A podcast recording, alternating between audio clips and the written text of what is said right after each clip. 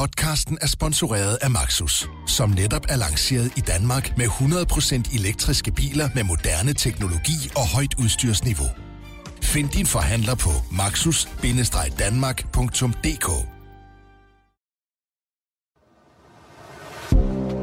Du lytter til Dine Penge, et program om privatøkonomi, der hjælper dig med alt fra dit første boligkøb til situationen på aktiemarkedet. Din vært er Stefan Sinkali. Vi kan lige så godt putte kontanterne ind under madrassen eller købe guld og begrave det i baghaven. Sådanne kategoriske udmeldinger er ikke sjældne i disse tider, hvor det rent faktisk begynder at koste penge for flere og flere privatkunder at have penge stående i banken. De negative renter gør ondt på bankerne, og de begynder så at dele ud af denne smerte til danskernes private økonomier. Samtidig har den lange, flere økonomer kalder den usædvanligt lange, globale økonomiske optur efterhånden sendt alverdens aktieindekser så højt op, at flere begynder at frygte, at de uværligt snart vil falde ned igen. Derfor dukker guldet op på radaren hos nogen. Det er langt fra den eneste grund til, at man overhovedet skal beskæftige sig med, med det her, men det er i hvert fald noget, der aktualiserer det i den her tid hos de fleste almindelige. Men hvordan får man så som privatperson fat i det, der glemter, og hvorfor skal man overhovedet overveje at beskæftige sig med en sådan investering? Det kigger vi nærmere på i denne uges afsnit af Dine Penge. Til at hjælpe mig med det har jeg inviteret Wesley Valdez ind i øh, studiet. Han er ansvarlig for forretningsudvikling og jura i Danmark hos øh, Tavix Group, og Tavix Group handler med guld i otte europæiske lande. Velkommen til. Wesley. Mange tak. Du kan måske kan du, kan du starte med at fortælle lidt om, øh, altså, hvordan man overhovedet kan, kan investere som guld, eller i guld, undskyld, som øh, helt almindelig øh, privatinvestor? Ja, der er jo en, en række forskellige måder at investere i guld.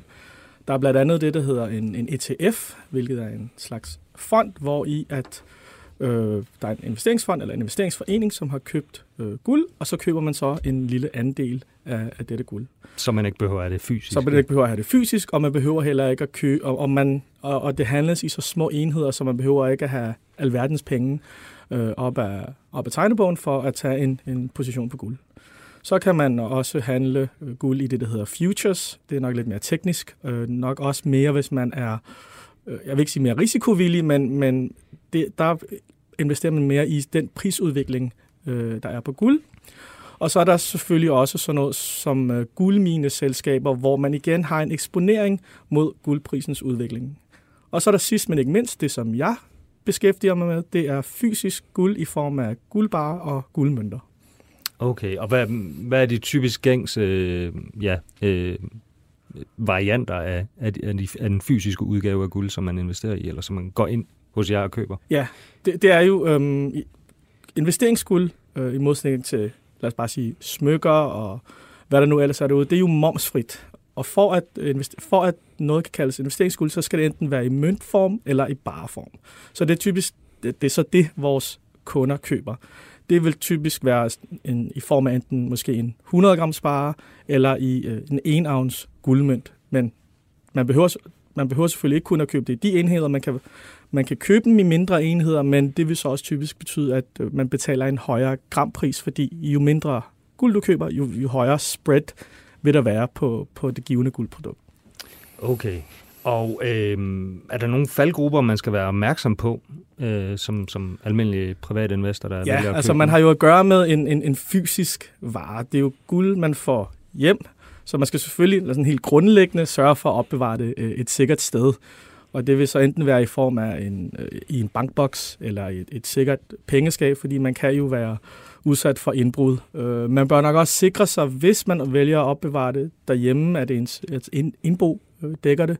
Visse forsikringsselskaber gør det, andre gør ikke, men, men det kan være en god idé. Øh, og så øh, i forhold til, hvad man vælger øh, at investere i. Jeg plejer at sige til vores kunder, øh, sådan generelt to grundlæggende principper. Køb guld med den laveste grampris som muligt, det vil sige det, man kalder det laveste spread, det vil sige den laveste forskel på køb og salg. Og så sørg også for at købe guld, der er nemt at omsætte den dag, du har behov for at øh, sælge det. Der er nogle produkter derude, som er meget, meget flotte, og de, kan, og, og de øh, kan være sjældne, men så har det mere karakter af for eksempel samlermønter eller samlerprodukter det er også sjovt, det er spændende, og der kan være nogle gode øh, fortjenester i det, men det, det er nok ikke det, man typisk vil kalde en guldinvestering. En, guldinvestering, en god guldinvestering, det er et, et guldprodukt, som du kan købe til så tæt på den aktuelle guldpris som muligt, og som er nemt at sælge den dag, man har behov for at realisere det. Ja, altså for det, det er det let omsættelige i det, ja. som netop gør, at mange folk kigger mod det i usikre tider vel også? Eller? Ja, øh, det er det. Øhm, den, øh, den interesse øh, her i nyere tid, og nu taler vi cirka de sidste 10-12 år, der har været for guldet, det er jo affødt af den øh, finanskrise, vi oplevede ja, i 2008 og 2009. Før det, så har et land som Danmark jo altid været et, et, øh, et stabilt land, både politisk, vi har haft en stabil banksektor. Der har som sådan ikke været en tradition i Danmark øh, for at investere i guld. Øh, man har mere kigget på guld øh, man siger, i den traditionelle forstand, dengang man talte, øh, dengang der var en, en guldstandard, som øh, hvor, hvorledes, altså, i forhold til den, den danske krone, der var, hvad hedder det nu, der var fastsat til, øh, til den mængde guld, vi havde. Da man så gik fra guldstandarden endeligt i 1971, i USA forlod guldstandarden, jamen så begynder guld at blive mere attraktivt måske som et investeringsobjekt. Men igen, for at komme tilbage til, som jeg sagde tidligere, i og med at vi i Danmark generelt har haft en stabil bank- og politisk øh, sektor, så har det aldrig rigtig været øh, interessant. Det, der så skete i 2008 og 2009, hvor man jo så øh, denne krise, som langt hen ad vejen var båret af, i hvert fald i, i man sige, den den gængse, den gængse mening er jo, det var båret af øh, bankernes uansvarlighed, den finansielle sektors uansvarlighed. Det gjorde jo, at øh, i hvert fald hvad vi hører fra vores kunder, at vores kunder fik mere øjnene op for, at man vil investere i noget, som måske var lidt uafhængigt fra den finansielle sektor. Og, det, og der er det der, man har vendt sig til guld, for guld er jo typisk det, man kalder safe haven. Guld mm. giver jo ikke altid, men typisk kontrært til aktiemarkedet. Det vil sige, når aktiemarkedet falder, så plejer guldprisen at stige. Når der er politisk urolighed, økonomisk urolighed, blandt andet som vi oplevede i forlængelse af Brexit-afstemningen, handelskrig mellem USA og Kina, så plejer guldprisen at stige, som vi jo har oplevet her øh, den seneste stykke tid. Og det er også det, der har affødt den stigende interesse for guld. Så det er typisk også, de, de, de fleste øh, eksperter siger også, at man skal diversificere som, øh, som, som privat investor. Man skal sprede sin risici. Og der går det jo typisk på, at man skal ikke bare købe én aktie, man skal købe mange aktier, man skal også gerne købe øh, indeksaktier, og også gerne have nogle obligationer i sin portefølje, og noget, der ligesom går modsat af hinanden, afhængig af, hvad der sker ud af i verden. Og her kan guld så også spille en rolle, ja. udover Ja, det kan det. det er fascinerende. Lige præcis. Og, og, det, og, det, det, og det kan man jo se. Øhm, på øhm, netop, øh, der, det, det er jo svært at forudsige guldprisens udvikling på, på den korte bane. For, for guldprisen er jo som sagt styret igen af øh, de uroligheder, der må være på de finansielle og de øh, finansielle markeder og, og politisk. Øh, men for eksempel, da vi så øh, øh Brexit-afstemningen, øh, da England øh, meldte sig ud af øh, den europæiske union, jamen så steg guldprisen med 8%.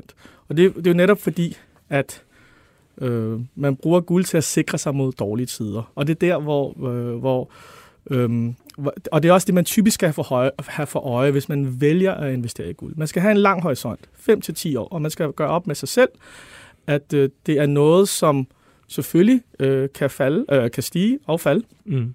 Og det er typisk noget, man køber, i hvert fald når man køber det i fysisk form, med henblik på at have en forsikring mod dårlige tider. Okay, og og det gør så måske også, at det er ekstra interessant lige netop i, i den her tid, eller hvordan har, hvordan har, kan du sige lidt om det seneste års tid eller to, altså hvordan prisudviklingen har været på guld, og, og hvad der man kan tænke sig at lægge bag det? Ja, øhm, det seneste års tid har, har prisudviklingen været meget positiv. Øh, vi, har været, vi har været all-time high i, i danske kroner, øh, og der, stigningen har været over 20 procent. Der har været en lille øh, korrektion her øh, de sidste par uger, Øh, men generelt har prisudviklingen været god. Så som investor, med, som har en øh, som har måske en, en return on investment øh, horisont, så har det været ganske interessant.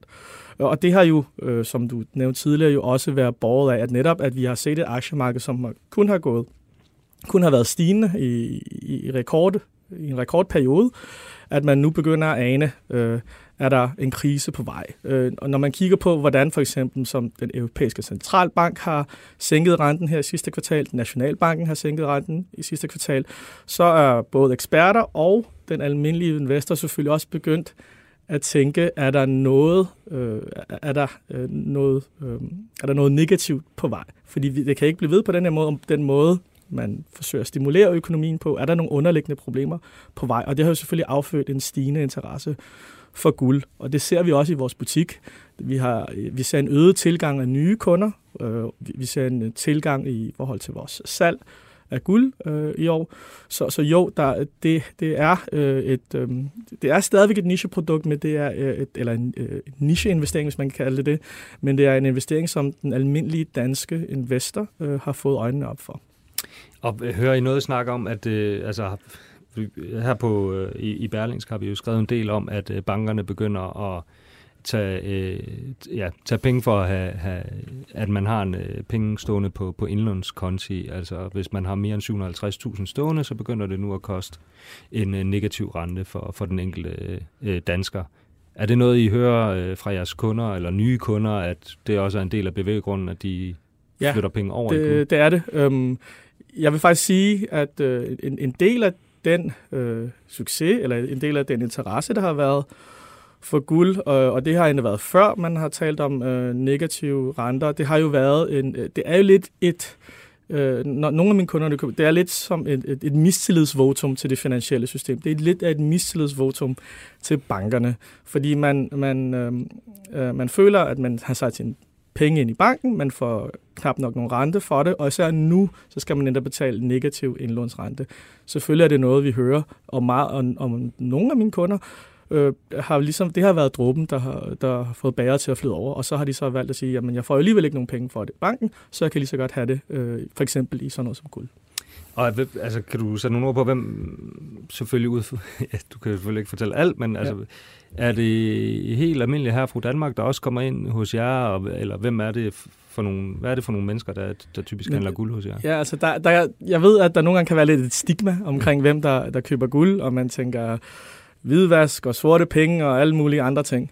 Øh, men det er faktisk ganske almindelige øh, øh, herre og fru Danmark, øh, og det er øh, og, og, og det er al, almindelige mennesker fra alle samfundslag, der køber. Jeg vil så sige, en typisk guldinvestor øh, hos os er 35 plus, har, har, en, har en opsparing, øh, men, men det er ikke, øh, det er ikke øh, kun den, øh, den type kunder, vi har. Øh, vi har også øh, unge mennesker. Øh, jeg tror, noget som finanskrisen og øh, sociale medier og internet har været gode til, det er, at øh, jeg har en indtryk af, at øh, de danske investorer er generelt øh, øh, Øh, velbelæste øh, og, og, og prøver lidt at undgå at lave, fortid, øh, lave, lave de samme fejl, man, man gjorde i fortiden, og prøver at sikre sig. Og det kan både være helt unge mennesker, og selvfølgelig også øh, ældre mennesker, som har en pension, noget friværdi, som de gerne vil placere et andet sted end øh, i bankerne, for der, de føler ikke, at øh, de synes, at aktiemarkedet er for risikabelt. De vil ikke have det stående i kontanter, for det koster penge, eller det gør ingen renter. Så vil man hellere placere det i, i, i sådan noget som guld. Vi har også mindre virksomheder, og øh, fra tid til anden også øh, fonde, som, som handler hos os. Så, så guld er ikke kun forbeholdt øh, de ultra-rige, øh, det er faktisk for, for alle. Og så lige til, til sidst her, Wesley, du, øh, jeg var jo også heldig, at du to, øh, har taget et par vareprøver med herinde ja. i, i, i studiet. Det er netop de to øh, gængse øh, former, du nævnte før. Ja. 100 gram barn, ja. som jo øh, til, til lytternes øh, interesse kan siges at være, ja, den vejer meget mere, eller føles som om den vejer meget mere end 100 gram. Og så den der etavs øh, mønt. Ja. Og det er en mønt. Ja, det er jeg kan mønt, se, der står 100 euro på den, ja. så man kunne i realiteten gå ind øh, et hvilket som helst Euroland, og så bruge den som øh, betalingsmiddel? Ja, det kan du. Øh, for at du kan kalde noget en mønt, så skal den jo have en pålydende værdi. Ellers vil det anses som en medaljon eller en medalje.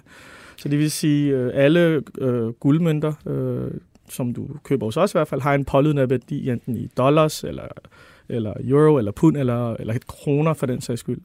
Øh, og du kan i teorien øh, købe, øh, gå ned i din lokale øh, brusen og købe, guld, øh, øh, købe varer for den pålydende værdi, men det vil bare være øh, enormt øh, dumt at gøre, fordi øh, den pålydende værdi svarer jo slet ikke i nærheden til øh, værdien af guldet, som lige nu er omkring øh, de 10.000 kroner for en enavns guldmønt. Wow, okay. Ved du hvad, øh, Wesley, det har været utrolig sjovt. Tak fordi du vil være med. Tak fordi jeg måtte komme. Du lytter til Dine Penge, og det er blevet tid til Mikro Makro Mix med Ulrik Bie og Sara Jolie. Velkommen til, Sara, og velkommen til Ulrik. Vi kommer i dag til særligt at have fokus på de negative renter, som har været i vælten i, igen i denne uge, og så skal vi også lige et smut forbi øh, købeglade topchefer, handelskrig og centralbankchefer. Men øh, lad os starte med det, der får verden til at løbe rundt, så at sige, renter.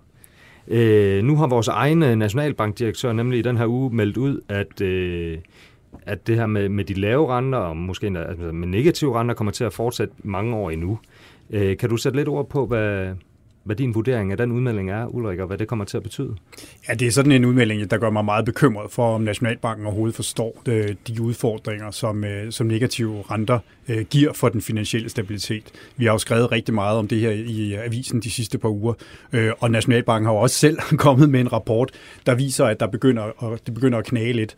Øh, og, og det er klart, at øh, det her er noget, som vi hører også fra læsere nu, som begynder at sige, hvad skal vi gøre, når vi skal betale for penge stående i banken? Det betyder også, at vi ser i Holland, at man begynder at skære pensionsudbetalingerne. Så noget, der skal fremme væksten, begynder jo direkte at hive indkomst ud af folks hænder. Øh, og så er vi jo i den situation, at negative renter, der er forskel på negative renter og lave renter, men negative renter kan du kun argumentere for ved at sige, at verden er falde sammen. Hvilke virksomheder investerer i en verden, der er ved at falde sammen? Så du sender jo et signal om, at alt er skidt et eller andet sted, eller noget er galt. Og øh, så har man jo også det, som vi ikke må sige højt, men hvad er der i værktøjskassen i Europa? Vi har negative renter, vi opkøber obligationer. Hvis nu der kommer et stød til økonomien, og det gør der nok i løbet af den periode, som Lars Rode taler om, hvad skal vi så gøre? Endnu mere negative renter? Det hjælper ikke. Nej, og øh, altså det, det, som de var ude med i den her rapport, det er, at de begynder nu at se øh, nogle, nogle advarselslamper, der blinker for, for bankerne, fordi de også bliver presset af, af, på indtjeningen af, af de her negative renter. Øh, men er du, er du enig i den analyse, at vi ikke kommer til at se øh, renterne bevæge sig op i, i positivt øh, territorium de næste mange år? Jeg synes, vi skal holde øje med den svenske Rigsbank, fordi øh, de har faktisk sagt, at renterne skal ikke længere være negative, men når vi er kommet op på nul, så kan vi smide nøglen væk. Og jeg tror faktisk, at det er der, den europæiske debat kommer til at bevæge sig hen næste år også. Og det vil sige, det gælder også herhjemme. Øh, 0 er stadigvæk en lav rente. Vi skal bare lige minde os selv om det. Men jeg tror, altså ved udgangen af 2020, så er jeg faktisk ikke helt sikker på, hvor negative renter vi har. Øh, fordi det, det er altså nu, at alle de negative effekter begynder at vælte ud af skabene hele vejen rundt. Det er jo også noget, som, som Sara har skrevet rigtig meget om med pensionskasser. Hvad skal de gøre, og hvad gør de? Er det helt sikkert, at vi skal have alle vores pensionspenge i ejendomsprojekter i Indien og, og værmøller og vindmøller i Uruguay? Ja, fordi øh, hvad er det, øh, hvad er det pensionskasserne er tvunget til? Øh, deres normale redskaber er nemlig sat lidt ud af spil i forhold til at sikre et, et, et stabilt øh, nogenlunde afkast over lang tid. Ja, traditionelt har pensionskasserne jo haft en masse penge bundet op i obligationer, og der har de fået en fast rente, og det har jo givet et afkast til alle de danskere, der har pensionsformuer. Men nu som Ulrik nævner, så bliver de nødt til at købe alle de her alternative projekter, ejendomme rundt omkring, øh, vejprojekter, vindmøller, og de er bare lidt mere risikable end gode gammeldags danske statsobligationer er. Det kan godt være, at det her ejendomsprojekt i Indien, det har de lavet en masse research på, de har snakket med folk lokalt, men man ved bare ikke, hvad der kommer til at ske. Hvis der kommer en nedtur i den indiske økonomi, kan det være, at PFA, som den her øh, sammenhæng har købt et ejendomsprojekt i Indien, at de kommer til at miste nogle penge på det her. Så det ender bare med, at pensionskasserne tager meget mere risiko, end de ellers ville have gjort. Og det kan jo komme til at påvirke os alle sammen, hvis de mister nogle af de penge. Ja, og på aktiver, der er alt andet lige er lidt sværere at prissætte end aktier og obligationer. Ja, for der er jo ikke noget marked for det. Det er jo ikke ligesom en børs, hvor du handler en Novo Nordisk aktie hver dag, og den bliver sat til 400-500 kroner, eller hvad den koster. Man ved jo reelt ikke, hvad de her øh, store projekter koster. Så hvis PFA kommer i problemer, og de skal... PFA kommer selvfølgelig ikke i problemer mm. på den måde, men hvis nogle af de her projekter kommer i problemer, og de skal sælge dem, så ved vi ikke, hvad de koster. Og lige pludselig kan det være, at vi kommer til at se, øh, at de her projekter bliver prissat så lavt, at, at det får sådan en, en, en snowball-effekt i det finansielle marked. Og det, det så vi jo blandt andet her for nogle uger siden med WeWork, som er den her store amerikanske virksomhed, som er sådan en børsdarling. Den skulle på børsen, og en stor japansk virksomhed havde købt sig ind. Og lige pludselig så forsvandt værdien af den virksomhed bare for øjnene af os alle sammen. Ja, og det er jo ikke, det er jo ikke kun pensionskasserne, det er også, altså, som jeg nævnte før, øh, bankerne, det, det bagte jo, øh, eller to øh, overskrifter verden over, da Jyske Bank øh, tidligere på året som den første bank begyndte at tage negative øh, renter for, for indlånskonti eller for, for penge stående på, på indlånskonti for, for privatkunder. Og det, det, altså, de danske banker har været first movers på det her projekt, og de, øh, de gør det i stor stil. Og det begynder måske også at, at kunne mærkes ude hos den almindelige forbruger, og hvis det begynder at ske andre steder i Europa, så er der måske ikke den samme øh, forståelse. Nej, og altså, vi siger, Danmark er forgangsland på det her område, det var der måske nogen, der ville ønske, at vi ikke har. Men endelig begynder vi at have en ordentlig debat, fordi problemet er jo lidt med de negative renter, at uh, så kan sådan en uh, akademiker som mig sidde og bræge hen i hjørnet. Men folk har bare sagt, det er jo bare godt, fordi vi får billige boliglån. Nu begynder vi lige pludselig at opdage, som Sara siger, på vores pension, hvor vi får mere risiko ind. Uh, og så begynder vi altså også at opleve det ved, at vi skal betale. Og det kan godt være, at man siger, ja, men uh, det er kun rige mennesker. Men der er faktisk rigtig mange blandt ældre, hvor 750.000... Altså, som er beløbsgrænsen. Som er beløbs mange, mange steder, ikke? Der, der er rigtig mange der, som, som faktisk har det her beløb stående i kontanter, for eksempel hvis de har solgt en bolig, hvis de har, har indløst en pensionsordning og ikke skal have nogen risiko, så ligger de med en mængde kontanter. Og så må vi jo heller ikke glemme, og det kom jo også ud fra Nationalbanken, at de store beløb i bankerne, det står under 750.000. Og skal det her batte noget for bankernes indtjening samlet set, så skal de altså give negative renter på det hele, ligesom man gør til erhverv. Og det er noget, som... Øh, altså, jeg vil sige, begynder man at prøve på det her selv for velhavende kunder i Tyskland, så forsøger man altså at lovgive mod, at man kan give det til private. Og så begynder man jo faktisk at lovgive mod pengepolitikken. Altså, det er jo æderbanken syret, for at sige det lige ud. Ja. Og noget af det, vi ser også nu, altså det er jo så en ting, Ulrik, hvad det er for de private, men for bankerne, og nu skal det her ikke være en lang seance, hvor vi græder over, hvor svært det er for bankerne. Men i Europa er bankernes forretningsmodel bygget op om, at de låner penge ud. De låner til virksomheder, og de låner til private. Og sådan cirka 80 øh, procent af alle virksomhedslån i Europa, det går gennem bankerne. I USA er det kun en tredjedel af alle virksomheder, der låner gennem bankerne. Ellers er det gennem gældsudstedelser på obligationsmarkedet. Og fordelen er, at bankerne på den måde, de kan ligesom være facilitator for de her gældsudstedelser og tage en, en fee, altså de kan tjene penge på det. Og det kan de også, selvom der er lave renter. Men i Europa eksisterer den her forretningsmodel slet ikke. Så de amerikanske banker har en kæmpe fordel lige nu over for de europæiske. Og så er der også en makrovinkel på det, og det er jo, at øh, det mest risikable del af et bankudlån, det er erhvervslån. Og det vil sige, det der lige nu holder bankernes regnskaber sammen med gaffatape, det er, at de ikke taber penge på deres kunder. Det gælder herhjemme, det gælder også mange andre lande. Og nu begynder vi jo altså i Tyskland, her ser vi stigende arbejdsløshed. Hvis vi får noget, der ligner lidt en, en afmatning, der var længere i industrien, så gælder det jo også de små industrivirksomheder. Og begynder vi at se stigende tab på erhvervskunder, på et tidspunkt, hvor indtjeningen er under pres, så kan det faktisk føre til, at og hvor bankaktierne jo er klappet helt i bund, hvilket betyder at udstede mere kapital via bare aktiekapital, er rigtig, rigtig dyrt så kan vi sagtens se, at bankerne klapper låget i. Og det gør de simpelthen på grund af den meget, meget stramme også finansielle regulering, som man har. Så det her er ikke bare noget, man kan fejre bordet og sige, det er bare de rige, og det er bare bankerne. Det er faktisk noget, der kan få en ganske stor negativ samfundskonsekvens. Okay, og den er jeg sikker på, at vi fortsætter med at diskutere over de kommende uger, fordi øh, vi, vi er lige nødt til at bevæge os videre til nogen, der ikke har klappet låget i på, øh, på øh, pengekisten. Øh, fordi så har du har nemlig hæftet dig ved en voldsom aktivitet, hvor topchefer verden over har haft travlt med at bruge penge. Ja, og, og det er jo så måske en af de positive ting, af de negative, eller lave renter, skal vi nok hellere sige. Øh, der har simpelthen været en opkøbsbonanza i den her uge. Der er blevet øh, købt virksomheder for over 70 milliarder dollar, og det er virkelig meget på en uge. Og det er ikke bare sådan småtterier, øh, vi er i gang med her. Det er jo blandt andet øh, Louis Vuitton, som har købt Tiffany, de fleste kvinder kender måske Tiffany for deres store, flotte diamantringe. Og det er jo en kæmpe deal. Den der var cirka 16 milliarder dollar. Øh, så er der to store amerikanske finansvirksomheder, der er merged gået sammen i en deal på 26 milliarder dollar.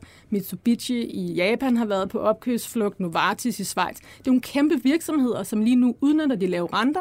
De er måske også optimistiske omkring den økonomiske situation, og så er de bare på opkøbsjagt. Og det har så også været med til at, at lave noget optimisme i aktiemarkedet, så de endnu engang har nået til friske rekorder i den her, øh, i den her uge. Og Ulrik, hvad, hvad, hvad kan det typisk være tegn på, når man begynder at se øh, optimistiske værdiansættelser og store handler? I en... Jamen, jeg tror, vi er nødt til at revurdere det her program, for nu skal jeg altid komme med de negative ting på den anden side. Ikke? Øh, men, men det er også klart, at øh, det kan jo det kan også være et udtryk for, at man ikke tjener så mange penge i, i en given branche. Mm. Fusioner og opkøb reducerer jo produktionskapaciteten og, og, og vil øh, være i nogle gange være muligt, at man øh, simpelthen bliver bedre i stand til at sætte en højere pris på sine varer, fordi der er mindre konkurrence. Så opkøb og fusioner reducerer konkurrencen i en given sektor. Og det er jo også der, hvor man kan sige, hvis ikke man kan hvis man har svært ved at øge sine indtægter, så kan fusioner også være noget der, hvor man, når man skærer på kapaciteten, skærer på antallet af medarbejdere, så kan man faktisk reducere sine omkostninger. Så det er ikke sikkert, at de her opkøb og fusioner er noget, der er særlig vækstfremmende for økonomierne. Det kan faktisk også her være det modsatte. Og, og så kan man sige, at det vi har set ofte i andre økonomiske cykluser, er, at den her bonanza i opkøbsaktiviteten, den kommer tit meget sent i cyklusen. Så det kan også være et tegn på, at vi måske er ved at toppe. Ja, Øhm, og vi bevæger os hastigt videre, øh, fordi vi, der, der, hvis vi vender os mod næste uge, Ulrik, der, der kommer der nemlig også en, øh, en deadline i, i handelskrigen, og Hongkong har også spillet lidt en rolle i, i den her scene. Ja, den amerikanske kongres og har vedtaget, og Trump har underskrevet en lov, der støtter øh, pro-demokratibevægelsen i, i Hongkong, og det er Kina ikke specielt begejstret for, for at sige det diplomatisk. Øh, og det er, samtidig så er der jo de her øh, handelsforhandlinger, der nu er trukket ud og varet øh, over seks uger mellem øh, Kina og USA. Og spørgsmålet er, om Hongkong kommer ind som hun i spil kejler her. Øh, det er jeg ikke helt sikker på, for Kina har også en interesse i at, at lande en aftale, og ifølge øh, anonyme kilder i Washington, så er man millimeter fra en aftale. Og det skal man tage med grænsalt. Alene af den årsag, at en amerikansk embedsmand, som siger millimeter, så bliver jeg lidt skeptisk, for det ved de ikke, hvad er. Mm. Øhm, men der er en deadline, der hedder 15. december, fordi der skal næste runde af straftol træde i kraft. Det bliver nok udskudt, men, øh, men altså, det er, der er masser af handelsoptimisme, som, øh, som stadigvæk fortsætter, og øh, bare noget, man må sige, siden starten af oktober, der er vælgernes vurdering af, af hvordan Trump håndterer økonomien, steget til næsten det højeste niveau. Så det er det, han skal genvælges på. Det her, det var den rigtige strategi for ham. Okay, og hvordan øh, reagerer markederne på, på strategiens udmyndning so far? Jamen det, det eneste, de ligesom fejrer lige nu, det er den handelskrig, eller den udsigten til en løsning på handelskrigen. Og markedet er jo også ret øh, sådan tunnelsyn nogle gange, ikke? så det eneste, de i virkeligheden kigger på, det er, hvad Trump siger. Og der skal ikke så meget med til at begejstre dem lige i øjeblikket. Og han vil også rigtig gerne begejstre. Han vil også meget gerne begejstre. På den måde det er en flot symbiose, som uh, Trump og aktiemarkedet kan være i nogle gange. Så de her tweets og udtalelser om millimeter, selvom det kommer fra amerikanere, der ikke ved, hvad de er, det er nok til at holde aktiemarkedet ret højt i øjeblikket. Men med det sagt, kan man jo så også være klar over, at man har puttet alle sine æg i den kurv. Så hvis den her aftale falder fra hinanden, så skal aktiemarkedet simpelthen, det skal falde, for det kan ikke have de her høje prissættelser. Nej, øh, men vi får så en strømpil for noget andet, der måske kan være med til at understøtte øh, aktiemarkedet lidt i næste uge, øh, Ulrik. Ja, fordi både økonomisk, men øh, det og du kan Saro så sige, om det også gælder aktiemarkedet, men økonomisk så er vi jo lidt i sådan en guldlok-situation, der er ikke for varm og ikke for kold. Jeg ved godt, at Trump vil have højere vækst, men mm. hvor vi er, og med en handelskrig, der hænger over hovedet, så har amerikanske nøgletal været ganske pæne, og vi har jo en centralbank, der har sat renten ned tre gange, og har sagt, at nu er de på pause. Og med de tal, vi har haft, så er det sådan set helt berettiget. Øh, og der får vi jobrapport øh, fra amerikansk økonomi øh, på fredag, og bliver den bare nogenlunde pæn, så, øh, så kommer der ikke noget på, på næste møde. Og så er så spørgsmålet om nogle af deres formuleringer om holdbarheden i økonomien øh, vil pege endnu mere i retning af, at der heller ikke kommer rentenedsættelser næste år. Ja, fordi øh, hvis vi bliver lidt ved centralbankcheferne, øh, december bliver nemlig ikke øh, en, kun en travl måned for alle os, der skal ud og købe julegaver. Det bliver også en øh, travl måned for, for centralbankcheferne, Ulrik. Ja, vi har Fed, øh, Fed Reserve, som, som er den vigtigste et eller andet sted, øh, men som jo har lagt sig relativt fast. Og så har vi jo altså en europæisk centralbank, der har fået en ny øh, kvinde i spidsen. Og øh, der er den tidligere chef, øh, Mario Draghi, da man lavede den her store pakke i september, der tog han simpelthen bare og lagde bolden op til, at der skulle komme yderligere rentenedsættelser i december. Og det er ikke sikkert, det kommer, fordi så skidt går det heller ikke i Europa, og jeg tror gerne, at Christine Lagarde vil have mere, lidt mere styr på den interne kommunikation og den meget, meget dybe uenighed, der er, før hun gør noget mere. Og så er hun jo også måske lidt mere politisk vandt, end, øh, end Draghi øh, har været. Ja, hun forstår stik fingrene i jorden. Hun er tidligere finansminister. Øh, det man bare må sige, det er jo også, at øh, der bliver godt nok talt meget finanspolitik i, øh, hos centralbankerne i, lige for tiden, og jeg der tænker lidt, der var noget med en arbejdsdeling. Øh, vi har jo nogle centralbanker, der skulle være uafhængige, fordi de skulle have lov til at passe deres. Øh, nu skal de passe på, at de ikke blander sig i alt muligt andet. Og men de bliver jo også nødt til at give bolden videre på et tidspunkt. De føler nok, de har gjort. Hvad vil I have mere? Vi har sat renter ned, de negative. Vi har lavet øh, kvantitative lempelser, og vi køber alt muligt her og der. Nu er der altså også nogen over på reformsiden, der må at træde i kraft. Og hvis du fortsætter ud af det, det spor, øh, kan, kan centralbankerne ødelægge øh, Santa Rally? Altså det kan de altid. Ja. Uden tvivl. Øh, vi er jo meget glade for de lave renter på aktiemarkedet. Men lige nu, som jeg sagde før, så er det et lidt tunnelsyn på den her handelskrig. Det er det, der meget gerne skal afklares. Og vi har indtil den 15. december, hvor der skulle træde yderligere straftol på kinesiske varer i kraft i, i USA. Men jo, altså centralbankerne, hvis de siger, at der kommer aldrig mere rentenedsættelser i verdenshistorien, så falder det hele fra hinanden. Men det er bare lidt mere nuanceret nu hvis den amerikanske centralbank siger, at vi sænker ikke renten lige med det samme, fordi at det faktisk går rigtig godt i økonomien, så kombineret med et aktiemarked, der fokuserer rigtig meget på handelskrigen og optimistiske der, så kan det godt alt sammen blive set som sådan en positiv pakke. I modsætning til, hvis vi var meget usikre på handelskrigen, så ville udsigterne til ingen rentenedsættelse måske blive set meget negativ. Så aktiemarkedet var meget følelsesmæssigt på den måde. Okay, og vi siger tak for i dag med den udmelding fra Sara, og tak til dig også, Ulrik. Dine penge er tilrettelagt af Stefan Sinkali, Sara Jolin, Ulrik Bie og Mia Svendingsen.